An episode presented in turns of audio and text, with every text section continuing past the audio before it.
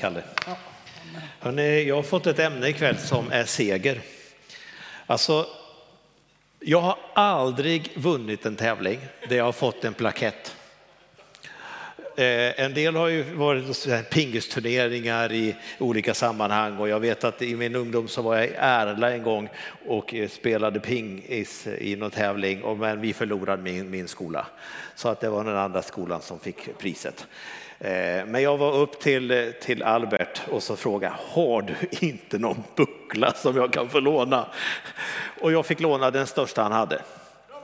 Eh, det är det närmaste jag kommer buckla. Så jag tackar Albert för lånet.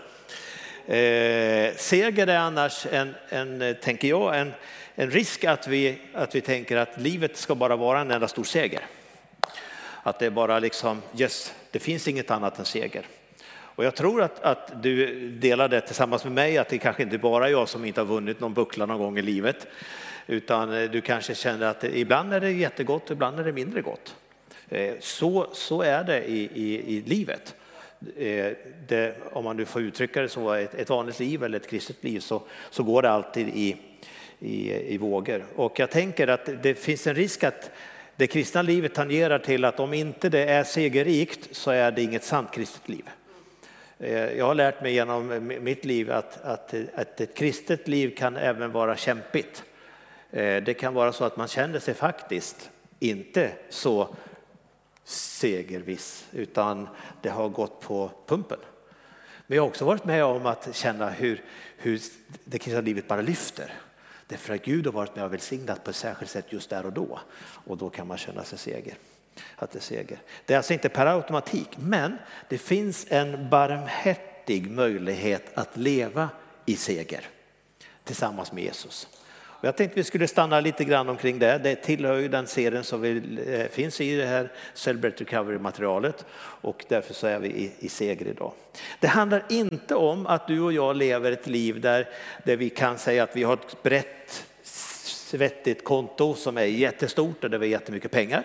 Det är inte det segerlivet talar om. Eh, det handlar mer om att leva ett liv som Gud har möjlighet att välsigna. Därför att jag lever på ett sätt där han faktiskt kan det. Och då har det inte att göra med kontot, det har inte att göra med vilket arbete du har, det har inte att göra med vilken bil du kör. Utan det handlar om att du lever ett liv där Jesus kan vara med och välsigna dig. Så det handlar inte först om pengar utan det handlar om att Gud kan välsigna. Jag skulle tro också att du har, precis som jag, en känsla utav att livet har varit, eh, funnits en del frestelser som kan ställa till det för oss i det vanliga livet. Eh, att det finns saker och ting som gör att det lockas bort ifrån det hela.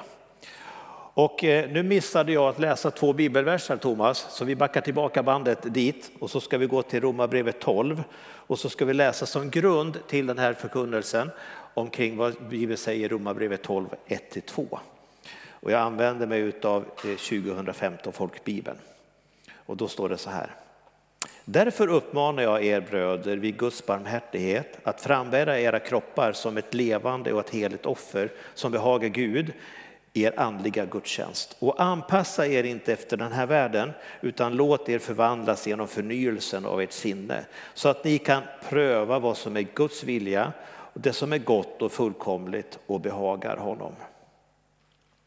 Det kan vara bra att ha det som en grund i det vi stannar till för den här, eh, den här kvällen. Åter till frestelsen. Eh, jag tänker att frestelser som du och jag möter kan faktiskt äventyra vårt liv generellt sett hur vi lever det. Men det är också en utmaning i vår relation till Jesus.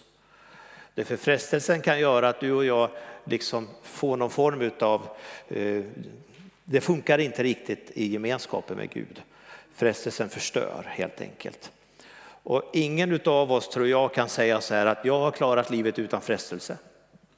Utan jag tror att vi alla har olika frestelser och du möter i ditt liv en viss typ av frestelse medan jag möter en viss och någon annan något annat. Men vi har någon form av frestelse som vi ibland får kämpa med. Och när vi kan, kan få vinna den kampen på något sätt så känner vi också hur, hur tron på Gud och hur livet med honom får, får bli välsignat och, och förkovras. Jag tänker också att du har gjort precis som jag, att du har mött vägval i livet när du gick hit eller tog cykeln hit eller bil eller vad du nu gjorde så hade du vissa vägval du var tvungen att göra hela tiden. Så när Kalle, åkte du bil eller? Den här gången, den här gången. Ja, cykeln står här. Ja. Så du var tvungen att ta bilen, okej. Okay. Men alltså när du åkte hemifrån ditt hus idag så kunde du inte bara köra rakt fram utan du var tvungen att göra vissa vägval. Du var tvungen att ta höger och vänster och så vidare. Precis så är det i livet. Och jag tror att det handlar om ibland att ibland står du och jag inför det där vägvalet där vi står och tänker vilket blir bäst för mitt liv? Och då kan det vara en, en väg som säger så här, ja den där känns riktigt attraherande, den vill jag gå. Men samtidigt som du väljer den vägen eller är på väg dit så märker du, nej men vänta nu det här är ju inte bra. Den här vägen kommer ju inte vara välsignad. Och den kampen som man kan stå i där, det säger ju dig och mig någonting om att går vi in på den vägen så kommer det ju att vara negativt. Men väljer vi den vägen som är rätt så kommer vi att kunna känna att det finns en seger över det. Att det finns en kraft i, i det positiva. Så jag tänker att det finns vägval som faktiskt kan utmana vår relation med Gud. För jag tror att det talesättet borta bra men hemma bäst finns i den tanken också att när vi får gå vägen som Gud har tänkt för våra liv så kommer det att vara välsignat. Om det är så att det är den stora vägen där vi kommer få synas väldigt sådär eller inte har ingen betydelse utan det är när, vi är på rätt väg. Jag läste ett sammanhang omkring Jesus här som, som fick en, han, han var som att han ville vara i skymundan ibland. Alltså han hade inte behov av att stå vid barrikaderna utan han drog sig undan för han visste att hans tid var inte riktigt inne. Och sen kliver han fram. Ibland så ska du och jag vara lite kanske layback. Därför att Gud tänker att din tid kommer där. Och att då rusa fel så blir det inte ett välsignat liv och så kan vi inte leva i seger. Jag tror att vi har olika förutsättningar att stå emot det som kan förstöra, det som vill slå krokben för våra liv. Ibland så har jag skämsamt berättat om att, ja, ganska dåligt skämt egentligen, Alltså när jag sitter där hemma och jobbar eller kan sitta på kontoret ibland så börjar jag fundera på att det där med kaffe är ganska gott. Ja, alla känner igen det där. Ja.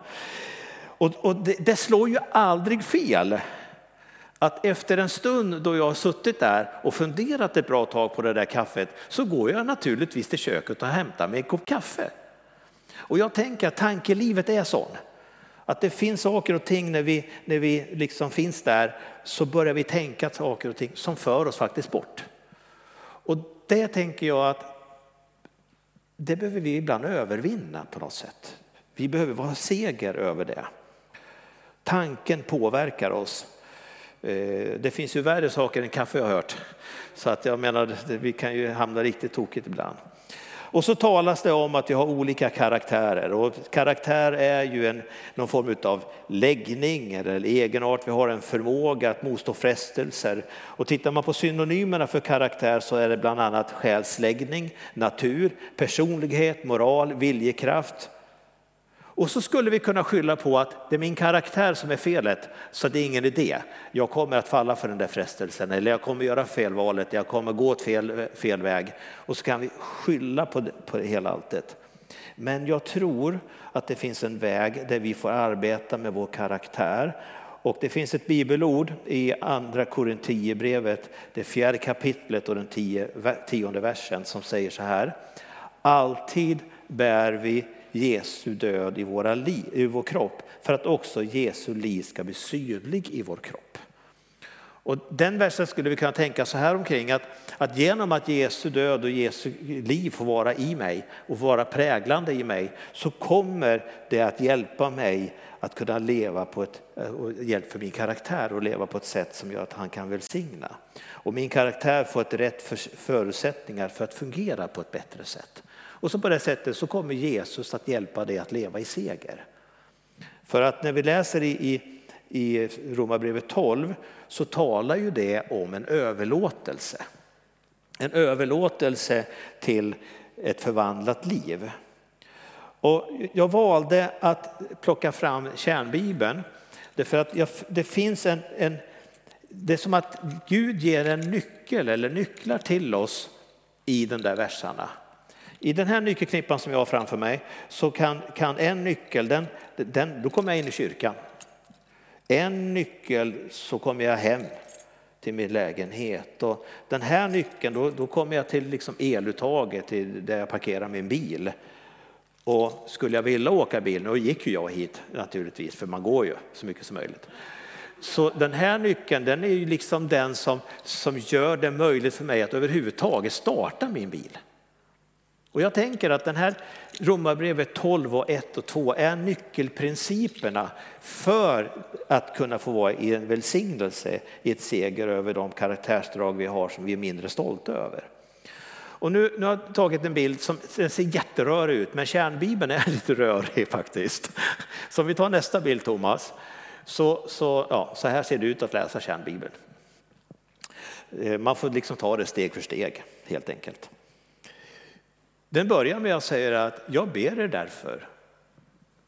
Han skriver det, att han står med honom. Han vill verkligen stå intill för att det ska bli bra.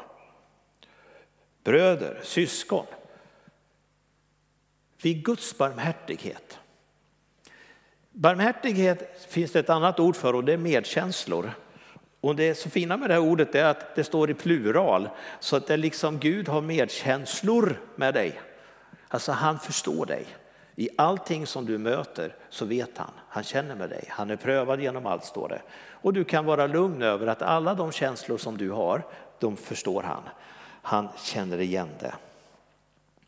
Och så står det om att vi ska frambära era kroppar som ett levande och heligt offer. Eh, ställa fram kommer beröra någonting om att ibland så vill vi liksom smyga iväg och skriva lite grann i det finstilta för att det ska gå bättre för oss. Men jag tänker så här att den här texten säger någonting om att vi ska ställa fram oss själva i ljuset, i Guds ljus.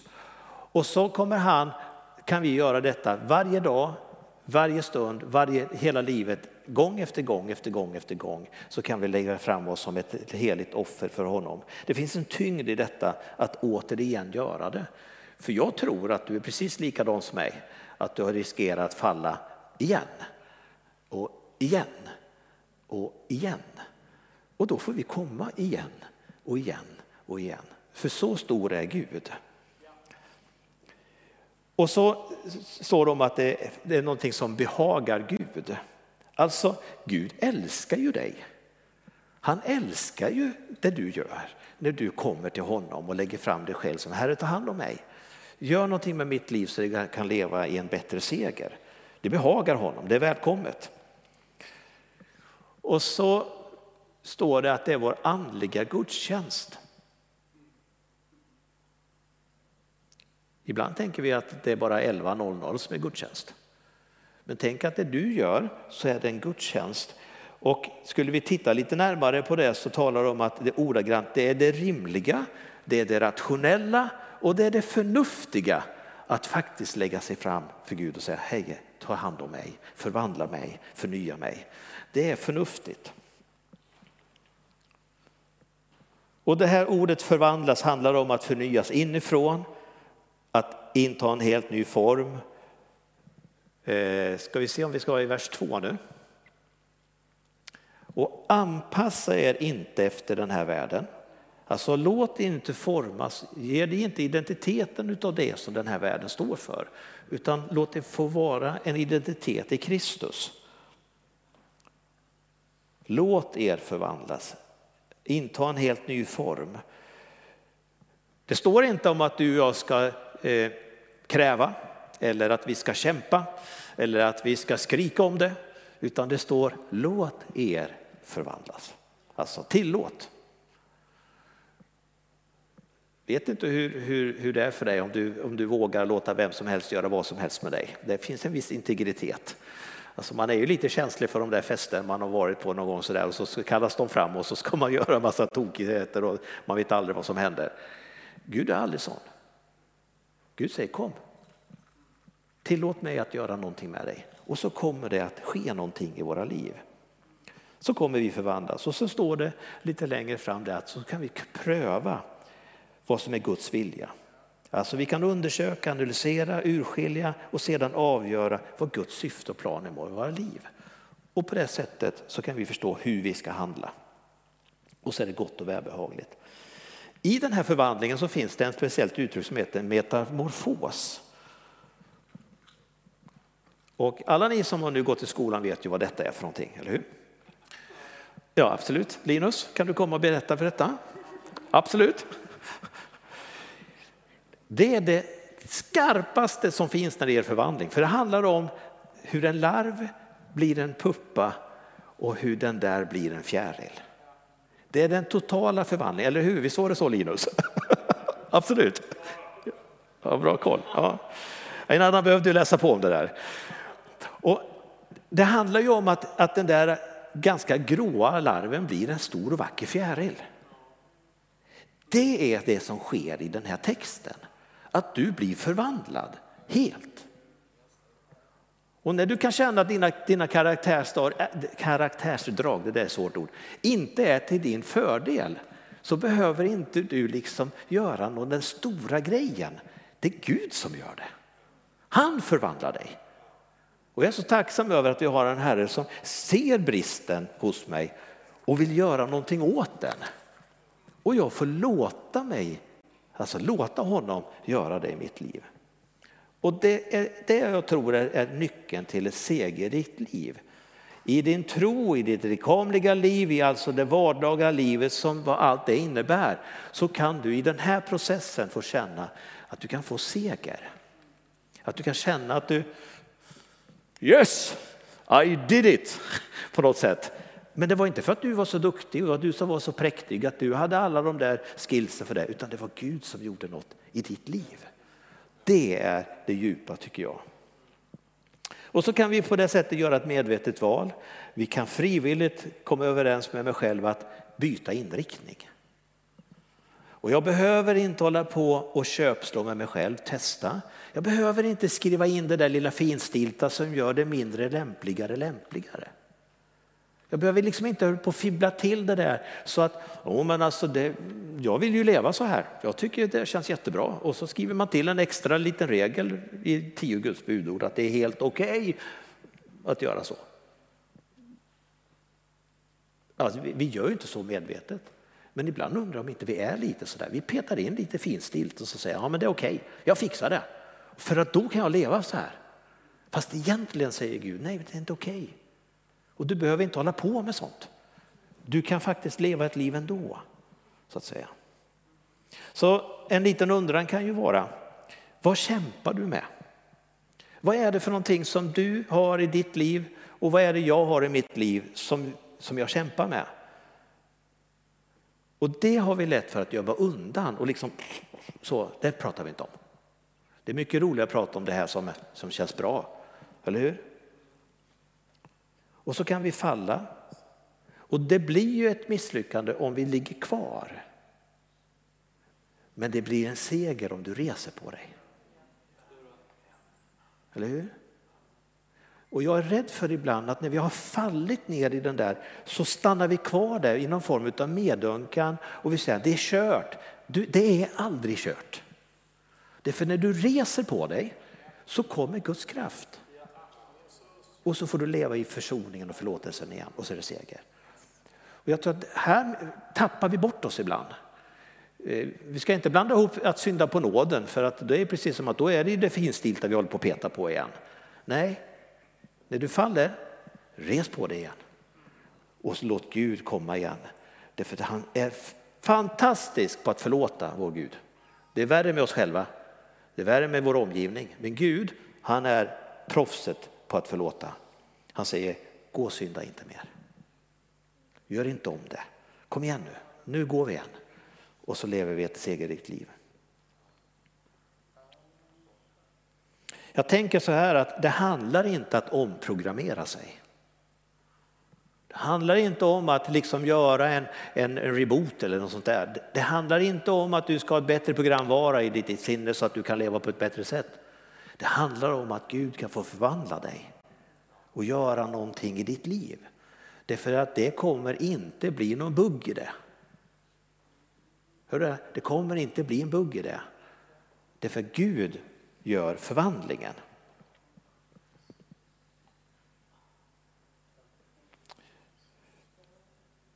Kanske handlar det om en sinnesändring. Det kanske är att det handlar om att jag ändå ska bestämma mig för att nu gör jag på ett annat sätt. Jag bestämmer mig för att leva på ett annat sätt. Och i andra Korinthierbrevet 5 och 17 så står det ju så här. Om någon är Kristus så är han alltså en ny skapelse. Det gamla är förbi. Något nytt har kommit. Vi behöver inte leva i, i, det, i det gamla. Lämna det. Han har sagt det är förlåtet. Och lev i det nya istället. Och då tänker jag mig att det handlar kanske något om det här att släppa taget. Alltså att, att inte hålla fast vid det som var dåligt. Vi kan vara rätt duktiga på att hålla fast vid det. Eh, Jakobsbrevet 4 och 10 säger så här, ödmjuka er inför Herren så ska han upphöja er. Alltså jag har så många gånger i mitt liv handlat ungefär så här att jag säger Gud gör någonting, säg någonting, jag vet, gör det. men du gör inte så här. Skicka inte den. Alltså jag vill inte att den kommer med en hälsning till mig. Och ni vet ju precis vad som händer. Då sänder ju Gud den människan. Därför att vi kan inte ge Gud de där direktiven. Liksom, du, du får göra någonting men du får inte ske på det här sättet. Och en sak jag har lärt mig i livet att Gud våldför sig aldrig på dig och mig. Han kommer aldrig på ett sätt som inte är möjligt för dig. Alltså om, om, om du är jätterädd för att ramla när någon ber för dig kommer han aldrig göra det. Alltså han kommer på det sättet som passar dig så att du kan ta emot det. Det vore ju konstigt om han ger en gåva och liksom förnedrar dig med den. Det vore ju jättemärkligt. Nej, han kommer på ett sätt som han vill göra så att du kan få känna den förvandlingen som sker i ditt liv.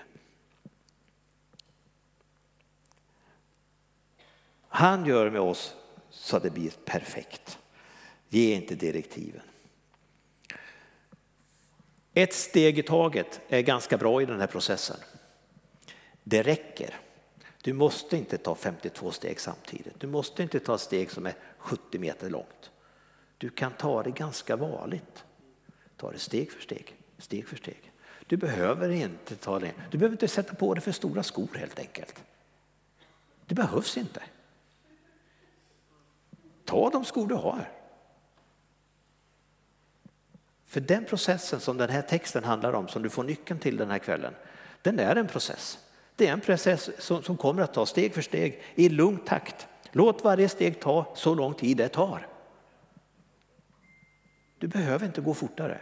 För somliga av oss så kommer processen att gå färdigt. Men jag tror att för de allra flesta så kommer det ta tid. Får vi äpplet direkt på äppleträdet? Nej, det tar tid.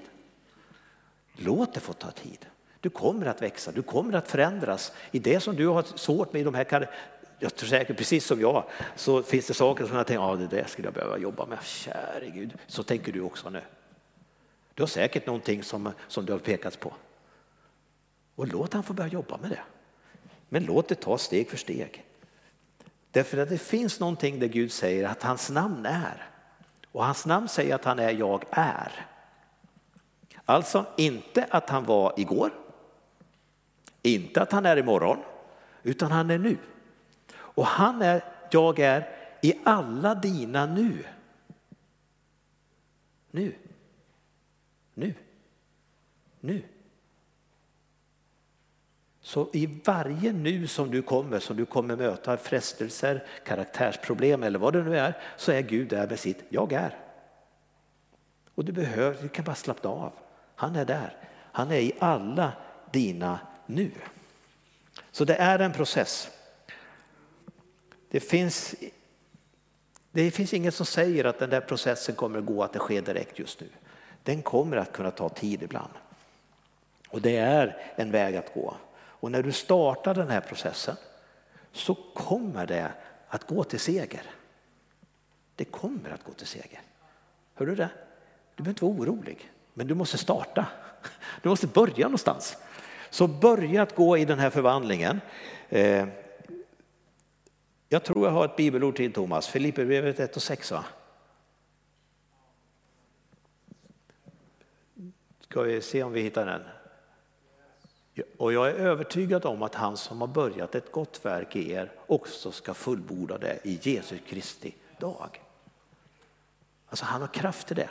Du och jag kanske inte alltid kan fullborda för vi, det liksom funkar inte riktigt. Men Gud kan alltid fullborda det och han vill fullborda och han ska fullborda det.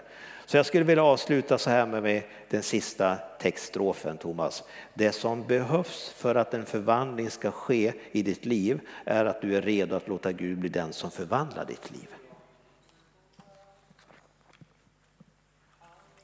Det är den nyckeln som kan göra att du kan få känna att det finns en seger. Och låt den processen fungera bara. Så kommer du märka att det finns en seger i ditt liv. Amen.